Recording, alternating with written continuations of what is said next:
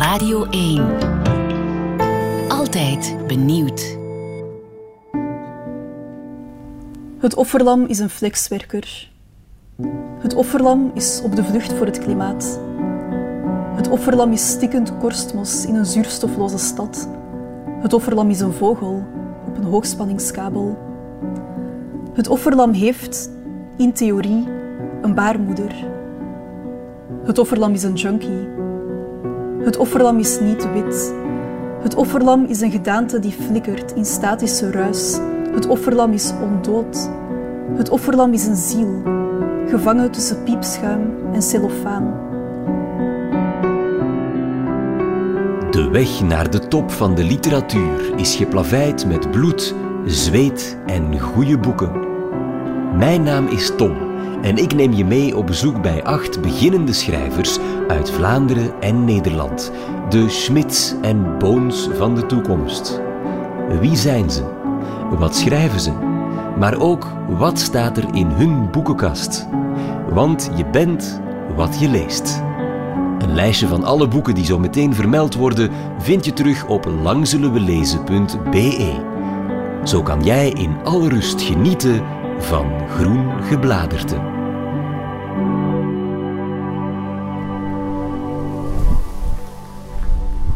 Ja, wadden. Het waait in de Mimosa-straat en in de Dahlia-straat en wat was het, de Lavendelstraat. De Jasmijnstraat, daar ben ik nu. Uh, in de Bloemekeswijk in Gent, dat is duidelijk. En hier woont ergens een bloem. Dominique de Groen heet ze, ze is 29. De intrigerende vrouw die haar eerste dichtbundel uitdacht in de kelder van de Primark, waar ze werkte, de kledingketen. Ze schrijft over globalisering, over klimaat, over migratie, over ons allemaal. En ze schiet daarbij met scherp. Je zou haar de stem van de generatie kunnen noemen. En ze werkt aan een roman. Je bent gewaarschuwd. Maar eerst wil ik weten wat Dominique zelf leest. Dominique, hallo. hallo. Goedemorgen. Goeie deurbel. Merci. In de woonkamer hangt een bebloede Barbie met een kleerhanger door haar oog. Ja, dat was voor een verkleedfeestje en toen had ik mij verkleed als iemand die net abortus had gepleegd met een kleerhanger. Um, Ja. En dat was toen mijn, mijn foetus. En aan de overkant een muur vol boeken. Ik heb heel veel boeken, maar ik heb ook heel veel van de boeken die hier staan, heb ik eigenlijk nog niet gelezen. Ehm, ja, ik ben zo iemand, als ik een boek lees, dan duik ik daar, dan duik ik daar heel diep in. Ehm, en dan lees ik super langzaam en neem ik wel echt alle details in mij op, maar dat betekent ook wel dat ik... Like, ik ken mensen die honderd boeken op een jaar lezen, ik lees er misschien zo 30 of 40 maximum. Laat ons chronologisch beginnen. Welk van deze boeken heb jij ongeveer al het langst? Want dit is wel... Dit was wel een van mijn eerste echte lievelingsboeken ehm, toen ik klein was. Dat is ehm, De Heksen van het Grote Paarse Bos. Een boek over, over heksen. Ehm, er staan heel veel tekeningen in van heksen. Ehm, en zij heeft zo... Ja, die vrouw die dat geschreven heeft, heeft een soort van hele mythologie rond heksen ontwikkeld. Zo'n heel rijk waar ze wonen en allerlei personages die daarin voorkomen. En alle gewoontes en de levensloop van de, van de heks heeft ze er allemaal zo in beschreven. Ja, ik vind, ik vind de figuur van de heks gewoon heel fascinerend als een soort van... Een, ehm, ja, een figuur van verzet tegen, tegen een soort van heel rationalistisch beeld op de wereld. Ehm, dat ik ook denk dat we vaak ehm, het idee hebben van dat wetenschappelijk alle problemen kan oplossen, of technologische vooruitgang, uh, maar dat net die dingen ons ook wel vaak al in de problemen hebben gebracht. Dus daarom ben ik heel gefascineerd door mensen die op een minder, ja, die op een meer intuïtieve man- manier misschien naar de wereld kijken en meer, ik weet niet, toch zo nog een soort van magie te zoeken in de wereld. En dat zie ik dan wel als een, ook iets politieks of zo om te doen. Je zegt, er zit weinig orde in mijn boekenkast, maar de boeken van Tolkien staan wel heel keurig Ja, net die wel. op een ja. rijtje. Ja. Ja, eigenlijk sinds de eerste Lord of the Rings film uitkwam, toen was ik denk ik een jaar of tien of elf. Um, en daarna ben ik al die boeken beginnen lezen, ook zo de, de Silmarillion, waarin hij zo heel die mythologie van Midden-aarde uh, beschrijft en zo. Um, toen heb ik zelfs een tijd lang met uh, mijn beste vrienden, hebben we ook zo gedaan alsof we ook elfen waren, hebben we like, in die taal die Tolkien heeft bedacht ook namen voor onszelf uitgevonden en al die dingen. Dus ik ben daar echt wel heel erg in toe geweest een tijdje. Wat was jouw elfennaam? Tindomiel. Dat is like iets van vrouwen van de avondster of zo. Of de avondzon. Ik weet het niet meer juist. Maar... like bijvoorbeeld de Silmarillion zou ik, zou ik persoonlijk wel aanraden, maar het is ook wel heel droog. Het is echt like, gewoon een soort van geschiedschrijving van Midden-aarde. Dus dat is waarschijnlijk niet iedereen zijn ding. Dan is er ook wel iets zoals ehm, De Kinderen van Hoerin of Beren, Beren en Luthien. En dat zijn meer zo gewoon andere verhalen uit Midden-aarde die hij uitlicht. Dus dat zijn meer echt narratieve, narratieve boeken. Dus dat is misschien een betere ingang voor, voor mensen die, uh, die daarin geïnteresseerd zijn. Ik zie best wat science fiction in je kast staan. Ik zie Philip K. Dick, ik zie uh, The Neuromancer van William Gibson. Ik heb hier uh, net nog Dune zien staan van Frank Herbert. Ja, sci-fi en fantasy zijn, zijn, zijn twee genres die ik, um, die ik enorm graag lees. Ook omdat ze... Um, ik voel daar meer aansluiting mee dan bij bijvoorbeeld echt zo'n een, een heel realistische klassieke psychologisch, psychologische roman of zo. Um, omdat ik mij door sci-fi, als het goede sci-fi is, dan dacht het u denken echt uit. En dan um, dacht het u uit om dingen die je voor heel vanzelfsprekend neemt, um, ook in vraag te stellen. Bijvoorbeeld Ursula Le Guin is een van mijn favoriete schrijvers in dat genre. Waar staat ze? ja, hier staan er een paar dingen van haar. bijvoorbeeld The Dispossessed is een sci-fi boek van haar. En zij zegt altijd, of ja, ze is onlangs overleden, maar zij zei altijd dat sci-fi, als het goed is, ook een gedachte-experiment is van hoe zou de wereld eruit zien mocht dit of dit het geval zijn en dat dan zo volledig alle conclusies daaruit doortrekken. Dus het hoofdpersonage is iemand die leeft op een soort van anarchistische, socialistische planeet, um, waar alles gebaseerd is op het principe van, van gelijkheid en alles, alle bezittingen gemeenschappelijk zijn. Um, en hij moet dan op een bepaald moment op een missie gaan naar een hyperkapitalistische planeet. En het gaat dan eigenlijk vooral over de, ja, de cultuurclash die daaruit voortkomt en de manier waarop personages van beide planeten dan misschien dingen in vraag gaan stellen omdat ze geconfronteerd worden met iemand die op zo'n andere manier uh, naar de wereld kijkt. Je hebt ook een, een, boel echte grote klassieken in je kast staan. Ik zie daar uh, Dostoevsky onder andere staan. Dat heb ik nooit uitgelezen. Uh, ik zie daar Faust. dat, zijn, dat zijn jouw studieboeken? Goh, nee. Dat, ik, heb, ja, ik moet eerlijk zeggen dat ik die boeken allemaal niet echt gelezen heb. Dat is meer, die heb ik uit de boekenkast van mijn, van mijn oma gehaald uh, toen dat ze wegging uit haar huis. Ik denk dat die eigenlijk van mijn opa waren. Die, um, die is overleden voor ik, um, voor ik geboren was. Uh. Komt daar je voorliefde voor uh, literatuur vandaan? Wel, ja, het is heel vreemd. Like, ik heb mijn opa nooit gekend, maar alles wat ik over hem hoor, heb ik zo het gevoel dat, ik, dat hij echt een zielsverwant geweest zou zijn. Like, hij schreef ook... Um, Poëzie heb ik onlangs ontdekt. Um, ook opnieuw toen we het huis van mijn oma aan het leegmaken waren, uh, vond ik daar ergens achter in een kast zo'n stoffige map. En daar zaten allemaal gedichten in die met een typemachine waren geschreven. En die bleken dan van mijn opa te zijn. En het was echt poëzie waarvan ik dacht van dit is echt... Dit zou ik ook gewoon echt goed vinden, mocht ik het ergens tegenkomen. Ga je die gedichten ooit uitgeven? Um, wel, ik ben het wel aan het overwegen, want ik heb ook um, niet echt een uitgeverij, maar wel zo'n soort van label. Um, waar we dan zelfgemaakte boekjes op uitgeven en, en, en zines en en dat soort dingen. Dus ik heb wel al zitten overwegen om een selectie van die gedichten van mijn opa um, daaronder uit te brengen. Ik zou het eigenlijk echt gewoon moeten doen. Welk van jouw boeken heeft jou het hardst doen nadenken? Ik denk misschien um, Generation X van Douglas Copeland. Ik voelde mij heel, denk ik, eenzaam en verloren op het moment in mijn leven toen ik dit boek voor het eerst las.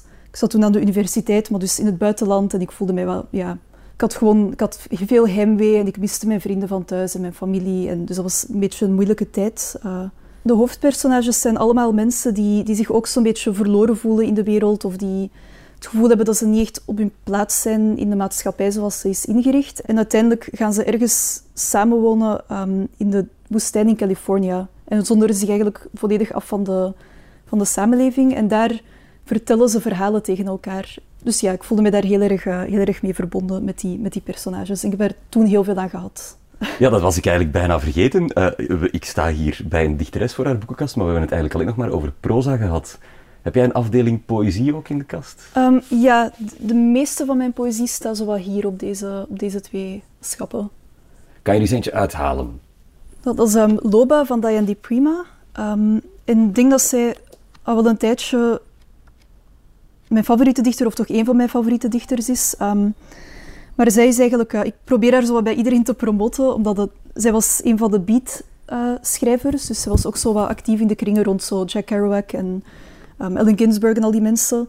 Uh, maar zij is eigenlijk veel minder um, ja, bekend geworden dan, dan die grote figuren.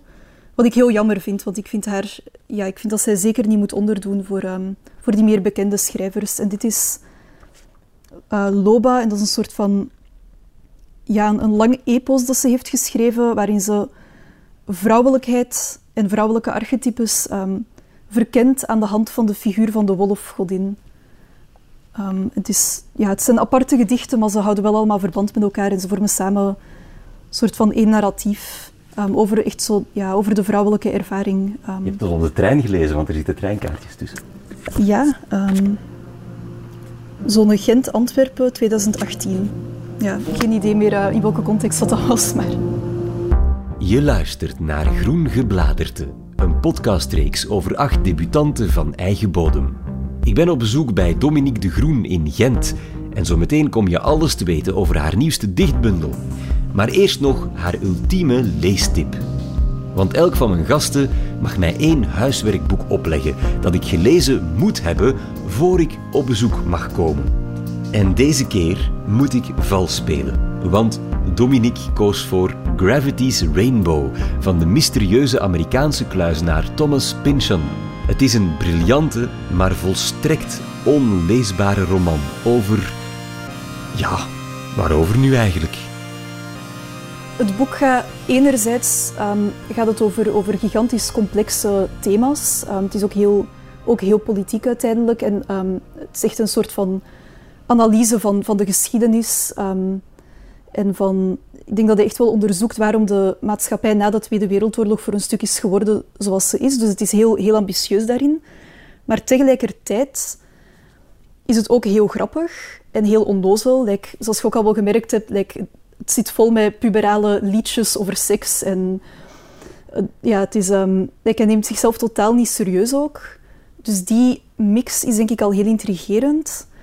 En daarbovenop komt dan ook nog eens dat er ook heel op onverwachte momenten zitten er passages in die echt heel ontroerend zijn en die echt naar de keel grijpen.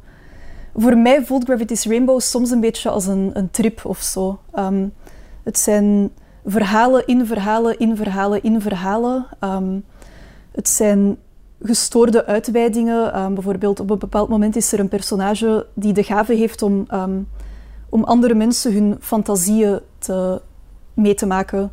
En hij wordt dus eigenlijk ook ingeschakeld om mensen te verlossen van de last, om, van, de last van hun eigen fantasieën, omdat hij die dan kan overnemen. En dan is er like, een heel stuk van vele pagina's waarin hij een van die fantasieën dan beschrijft, waarin er een gigantische polyp Londen invadeert. En dat is dan een soort van pulp-horror-scène die uit het niks in, in die roman komt en, en de verhaallijn volledig onderbreekt. En zo is het echt heel dat boek lang dat er uit het niks van die vreemde uitweidingen waarvan je niet weet van is dit nu een droom of is dit een, een, een, hallucinatie of is dit echt of wel, voor mij is Gravity's Rainbow, um, het moment waarop ik dat las, had ik echt het gevoel dat er voor mij een nieuwe wereld openging. Um, dus ja, ik kan echt niet...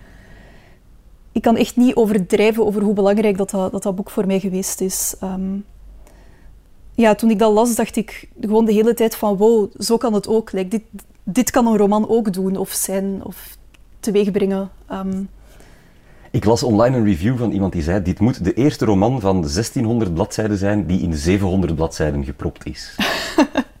ja, nee, dat klopt. Er is ook zoveel personages in. Ik echt letterlijk honderden personages. Die... En hij schrijft dan verschillende hoofdstukken vanuit het perspectief van verschillende personages. En dus je hebt inderdaad het gevoel dat er like, heel veel verschillende verhaallijnen in zitten die allemaal op zich een roman zouden kunnen vormen.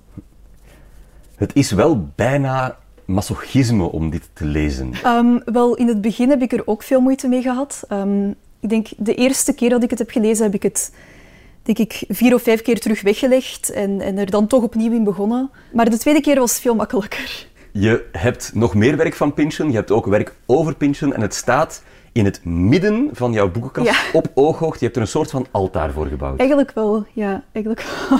Maar dat is onbewust. Dat is eigenlijk nu Pas nu dat je dat zegt, heb ik het zelf door hoe het, uh, hoe het overkomt. De omwenteling overvalt ons. We reageren als één lichaam, één brein. Warmte en licht overspoelen ons. Lopen door ons heen als elektriciteit. Ons cytoplasma borrelt van leven. Overal om ons heen ontvouwen zich lang vergeten dimensies. De ijzige cellen smelten en worden koele donkere stromen waarop we meedrijven naar onbekende landen. In ons collectieve brein ontwaken oeroude herinneringen aan warme levende huizen waar we ons nestelden en tot bloei kwamen. Dominique de Groen is 29 en net als veel van de debutanten in deze reeks Groen Gebladerte, op het eerste gezicht een braaf en weerloos meisje. Maar haar pen is ijzersterk en compleet meedogenloos voor de malle wereld waarin we leven. Shopgirl over onze consumptiegekte, Sticky Drama over het klimaat en nu haar derde bundel Offerlam over migratie en globalisering. Felle kaften, goud, roze, hemelsblauw en poëzie die in slamstijl van de regels springt en je naar je strot grijpt. Dus ik denk ook dat ik al toen ik zes of zeven was, dat ik toen ook al tegen iedereen zei van ik wil later schrijver worden. Um, dus ik ben eigenlijk echt gewoon heel koppig. Ik ben poëzie beginnen schrijven in 2014 omdat ik toen zo'n beetje contacten begon te leggen met de, met de poëzie-scene in Gent. En dat ik er toen achter kwam dat er um, voor dichters eigenlijk veel meer gelegenheden zijn om laagdrempelig uw werk te delen. Bijvoorbeeld op open podia. Of um, ja, in die periode deed ik dan ook af en toe mee aan poetry slams, dat soort dingen. Um, en dat het ja, op dat moment voor mij was poëzie een manier om ook uit het isolement als schrijver te komen of zo. En niet gewoon enkel op mijn kamertje kort verhalen te schrijven. En dan heb ik gaandeweg ook gemerkt dat poëzie mij wel heel erg lag. En dat ik mij daar op dat moment eigenlijk ook vrijer in voelde dan ik mij in, in proza kon voelen. Dus. Dat is cool. Dus poëzie was eigenlijk een, een sociale uitlaatklep. Ja, voor, zo is het begonnen in elk geval. Ja, en dan gaandeweg ben ik mij comfortabeler beginnen voelen bij poëzie dan bij proza. Laat ons het over je eigen werk hebben. Uh, je, je hebt naam en faam gemaakt met uh, Shopgirl. Dat uitgegeven is met een prachtig uh, gouden rechthoek op de cover, waardoor zelfs mijn dochter van zes plots geïnteresseerd was in poëzie. Dat was de bedoeling. Dit dichtwerk is um, mede ontstaan dankzij de Primark. Ja, ik heb daar uh, zes maanden gewerkt in, in 2016. Uh, op voorhand niet met de bedoeling van daarover te schrijven. Het was echt gewoon omdat ik um, heel dringend geld nodig had. Um, en ik was de wanhoop nabij. Uh, dus dan ben ik uiteindelijk daar beland. Ja, na twee dagen van daar te werken had ik eigenlijk, had ik eigenlijk al door van ik moet hier echt iets mee doen. want het is zo'n bizarre omgeving achter de schermen. Um, en zeker in Primark is het echt gewoon zo... Daar is alles schone schijn eraf. Het is echt gewoon zo naakt kapitalisme dat je daar ziet. Like mensen die, die, die ruzie maken over de laatste goedkope pyjama of, of, of die... En dan ben ik in mijn vrije tijd heel veel beginnen lezen over de goedkope mode-industrie. Um, dus ook over hoe dat die kledij wordt geproduceerd, waarom dat die zo goedkoop is, in wat voor arbeidsomstandigheden, um, wat ook de ecologische implicaties daarvan zijn vaak. Um, en dan heb ik al die dingen, dus mijn eigen ervaringen en alle research die, ik daarover gedaan heb, heb ik dan allemaal proberen samenbrengen in een soort van episch, um, episch gedicht. Maar ik verwacht ook um, niet dat ik daarmee bepaalde problemen ga oplossen. Ik zie mezelf daarom ook niet echt als een activist of zo. Want daarmee zou ik oneer aandoen aan mensen die die wel ergens op de, op de, spoor, op de spoorlijnen gaan liggen naar de bruinkoolmijnen om die te versperren met hun lichaam. Dat is, dat is iets helemaal anders dan, um, dan wat ik doe. Like, het enige dat ik kan doen als schrijver um, is mij proberen te verhouden tot de wereld om mij heen en mij ervan bewust te zijn dat ik niet in een soort van vacuüm schrijf of zo. Ik geloof niet in het idee dat je als maker um, in een soort van ivoren toren zit of dat je zo kunst om de kunst kunt maken. Ik denk dat je daarmee gewoon ontkent dat je nu eenmaal leeft in een wereld uh, waarin dingen gebeuren. En ik denk dat hetgeen dat mijn stijl misschien het meest kenmerkt, is dat ik altijd een beetje een balans zoek tussen intuïtie en associatie, maar tegelijkertijd ook wel echt een structuur en een narratief. En het is heel erg zintuigelijk. Ja, ja dat is ook heel belangrijk. Ja. Ja, het lichaam, de lichamelijke ervaring zit er ook altijd heel veel in. Dat is, ja, je vertrekt uiteindelijk ook altijd van een lichaam. Ja. Hoe politiek het ook wordt. Um, maar je ervaart de wereld en de maatschappij en de politiek uiteindelijk wel vanuit je, vanuit uw lichaam. Zeker in Sticky Drama, je uh, tweede bundel, daar verdrink je bijna in de olie terwijl je het leest.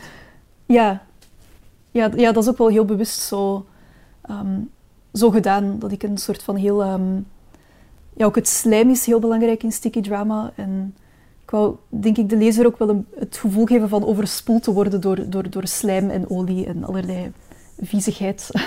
Dat is gelukt. Maar echt waar, want ik ben absoluut geen, uh, geen ervaren poëzielezer. Maar na sticky drama wou ik echt gaan douchen. dat is misschien het mooiste compliment dat ik al over die bundel heb gekregen. Kan je ons iets meer vertellen over de, de periode waarin je dat geschreven hebt en de ontstaansgeschiedenis van Sticky Drama? Een paar jaar geleden, en het was winter, en ik heb sowieso al vrij veel last van winterdepressies, maar toen um, was het erger dan, dan gewoonlijk, omdat ik toen heel erg in paniek was over klimaatopwarming. En ik zat daar de hele tijd artikels over te lezen. Um, en, en, ik was daar enorm angstig over. En het is eigenlijk in die context dat die gedichten dan zijn, zijn beginnen te ontstaan. Um, maar dan gaandeweg ben ik me ook wel terug zo wat beter beginnen voelen over alles. En dan is de bundel ook uiteindelijk wel iets, voor mij toch iets hoopvoller geworden. Um, uiteindelijk ben ik wel op zoek gegaan naar nieuwe levensvormen die uit die puinhopen kunnen ontstaan. En ook zelfs een soort van vreugde of extase daarin um, te proberen vinden. Dus ja, het is echt wel geëvolueerd van iets, iets heel somber en duister naar iets vrolijker voor mij. Voor mij is populaire cultuur ook wel een heel grote, een heel grote invloed. Um, ja, popmuziek. Um, ook, um, ja, ik kijk heel graag naar zo trash tv, zo Geordie Shore, reality-series-achtige dingen. en dat zijpelt ook wel allemaal heel, heel fel binnen in mijn werk. ik denk zeker nu in mijn roman die ik nu aan het schrijven ben, een hele verhaallijn ook over Britney Spears, omdat zij mijn grote heldin ook in het leven is. dus dat zijn ook dingen die ik probeer maar ja, dat is op een manier ook misschien weer zo'n postmodern cliché van zo high culture, low culture. Maar ik denk ook dat in de wereld vandaag ook wel moeilijk is om te vermijden of zo.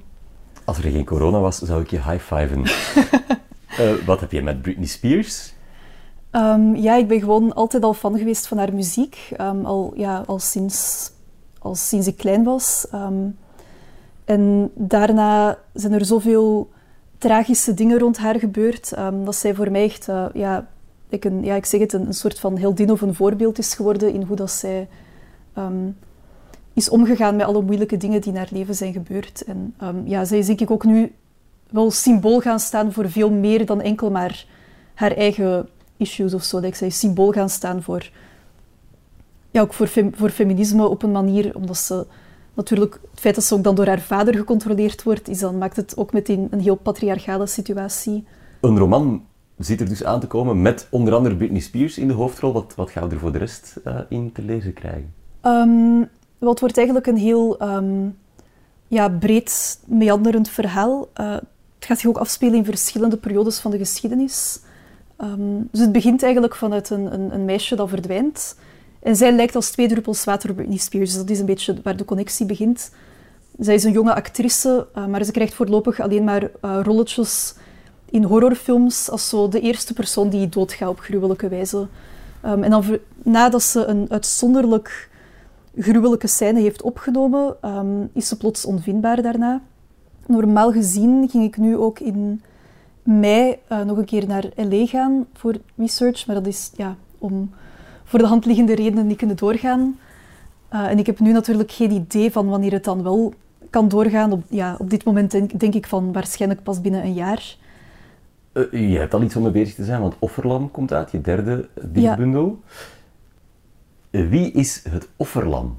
Was zo'n beetje de vraag waarmee ik na het lezen bleef zitten. Um, ja, voor mij is het Offerlam eigenlijk een beetje een symbool voor um, voor iedereen die bijvoorbeeld niet tot een elite behoort, of voor iedereen die het gevoel heeft van um, in zekere mate machteloos te zijn over, over hun eigen leven. Um, mensen die ja, eigenlijk gewoon eigenlijk de 90%, om het zo te zeggen. Dat is eigenlijk het offerlam. Maar ook daarbij reken ik dan ook bijvoorbeeld um, bepaalde ook dieren die onderdrukt worden of, of diersoorten die op uitsterven staan Dus ik, het is een heel brede categorie, het offerlam. Al jouw frustraties uit Shopgirl, Sticky Drama en een boel nieuwe dingen komen samen in Offerlam. Ja, het is denk ik wel de meest ehm, harde bundel die ik al geschreven heb. Ook er zit denk ik wel het meeste ook gewoon inderdaad frustratie en, en, en, en, kwaadheid in. Dat is zeker zo. Maar tegelijkertijd voelt het voor mij ook als de meest speelse bundel die ik al heb geschreven. Dus het is ook, ja, in elk geval de meest spontane. Misschien is het dat vooral ook, dat, dat hem een beetje anders maakt dan de twee vorige. Dat deze echt like, heel los uit, de pols is geschreven en veel meer vanuit mijn, ja, toch meer vanuit mijn emoties misschien of vanuit mijn buikgevoel, zonder een vooropgestelde structuur te hebben of zo. Er zijn nog wel een paar dingen die ik nog zou willen doen. Um, ik schrijf ook veel essays die um, dan op een online platform worden gepubliceerd. En ik denk dat het op een bepaald moment ook wel leuk zou zijn als ik er nog wat meer heb, om dan ook een bundeling van essays misschien uit te geven of zo. Um, maar dat zijn voorlopig nog heel vage plannen. En dan hopen dat Britney nog eens op wereldtournee gaat. Ja, inderdaad. Dat is, uh, dat is uiteindelijk het belangrijkste. Alle boeken die in deze podcast de revue passeerden, vind je terug op langzullenwelezen.be. Wil je nog meer lezen van en weten over Dominique de Groen? Dan is er goed nieuws. Want Lang Zullen We Lezen maakt samen met het Vlaams-Nederlands Huis De Buren bouwpakketten om zelf een leesclub te organiseren over Offerlam en andere boeken van debutanten. Neem een kijkje op langzullenwelezen.be schuine streep leesclubs. Als je in deze podcast leesinspiratie vond, geef ons dan alsjeblieft een beoordeling in je favoriete podcast-app. En vergeet daar de andere afleveringen uit deze reeks en de vorige gebladerte niet te beluisteren. De prachtige muziek die je hier hoort werd speciaal voor ons gecomponeerd en uitgevoerd door Sander de Keren. Groen Gebladerte kwam tot stand in samenwerking met Sabam for Culture. Een podcast van Lang Zullen We Lezen voor Radio 1. Dit was Groen Gebladerte, een podcast van Radio 1. Ontdek nog meer podcasts van Radio 1 in onze app of op radio1.be.